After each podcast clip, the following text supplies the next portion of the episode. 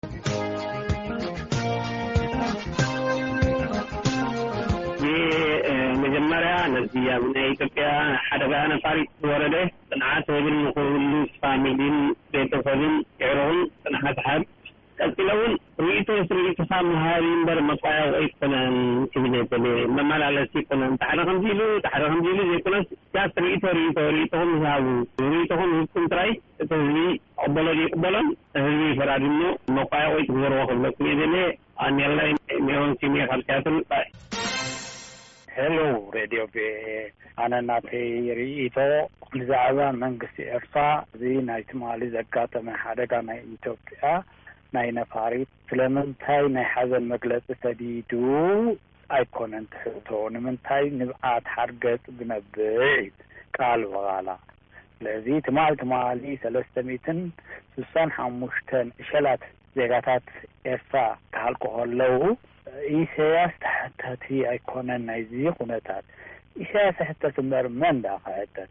ኢሰያስ ዘይኮነን መራሒ ናይታ ሃገር።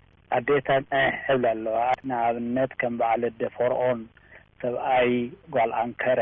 ኣዲኡ ብሃንቀውታ እንዳተጸበየቶ ካብዛ ዓለም ብሞት ተፈልያ። ስለዚ እዚኣ ኣብነት ኣዴታት ካብቶም ኣሽሓት ኣዴታቶም ሃንቀው ኢለን ዝጽበየኦም ዘለዋ ኣበይ ከም ዘለው ዘይፍለጡ ኤርትራውያን ኣብ ትሕቲ ጎዳጉድ ዘለው'ዮም። ስለዚ ከምቲ ንቡር ንሕሰብ። ሰላም ቪኦኤ ቀጺለ ይኣክል ሃገራዊ ኣገልግሎት ን ዕስራ ዓመት ዕድሜኻ ምውዳእ ይኣክል ብዘይ ፍርዲ ኣብ እስርቤት ምቅማጥ ይኣክል ስደት ምውጻእ ይኣክል ብዘይ ሕጊ ምግዛእ እዚኣ እሞ ሕሉፍለ ቻው ተወልዴ ካብ ኣሜሪካ። ቪኦኤ እዚ ኩሉ ጸገም ኣብ ኤርትራ ዘሎሲ ኢሰያስ ዘምጾ ዘይኮነ ባዕልና ዘምጻናዮ እዩ ስለዚ ብጸሎት እዩ ዝፍታሕ ትብል ኔራ እሞኒ።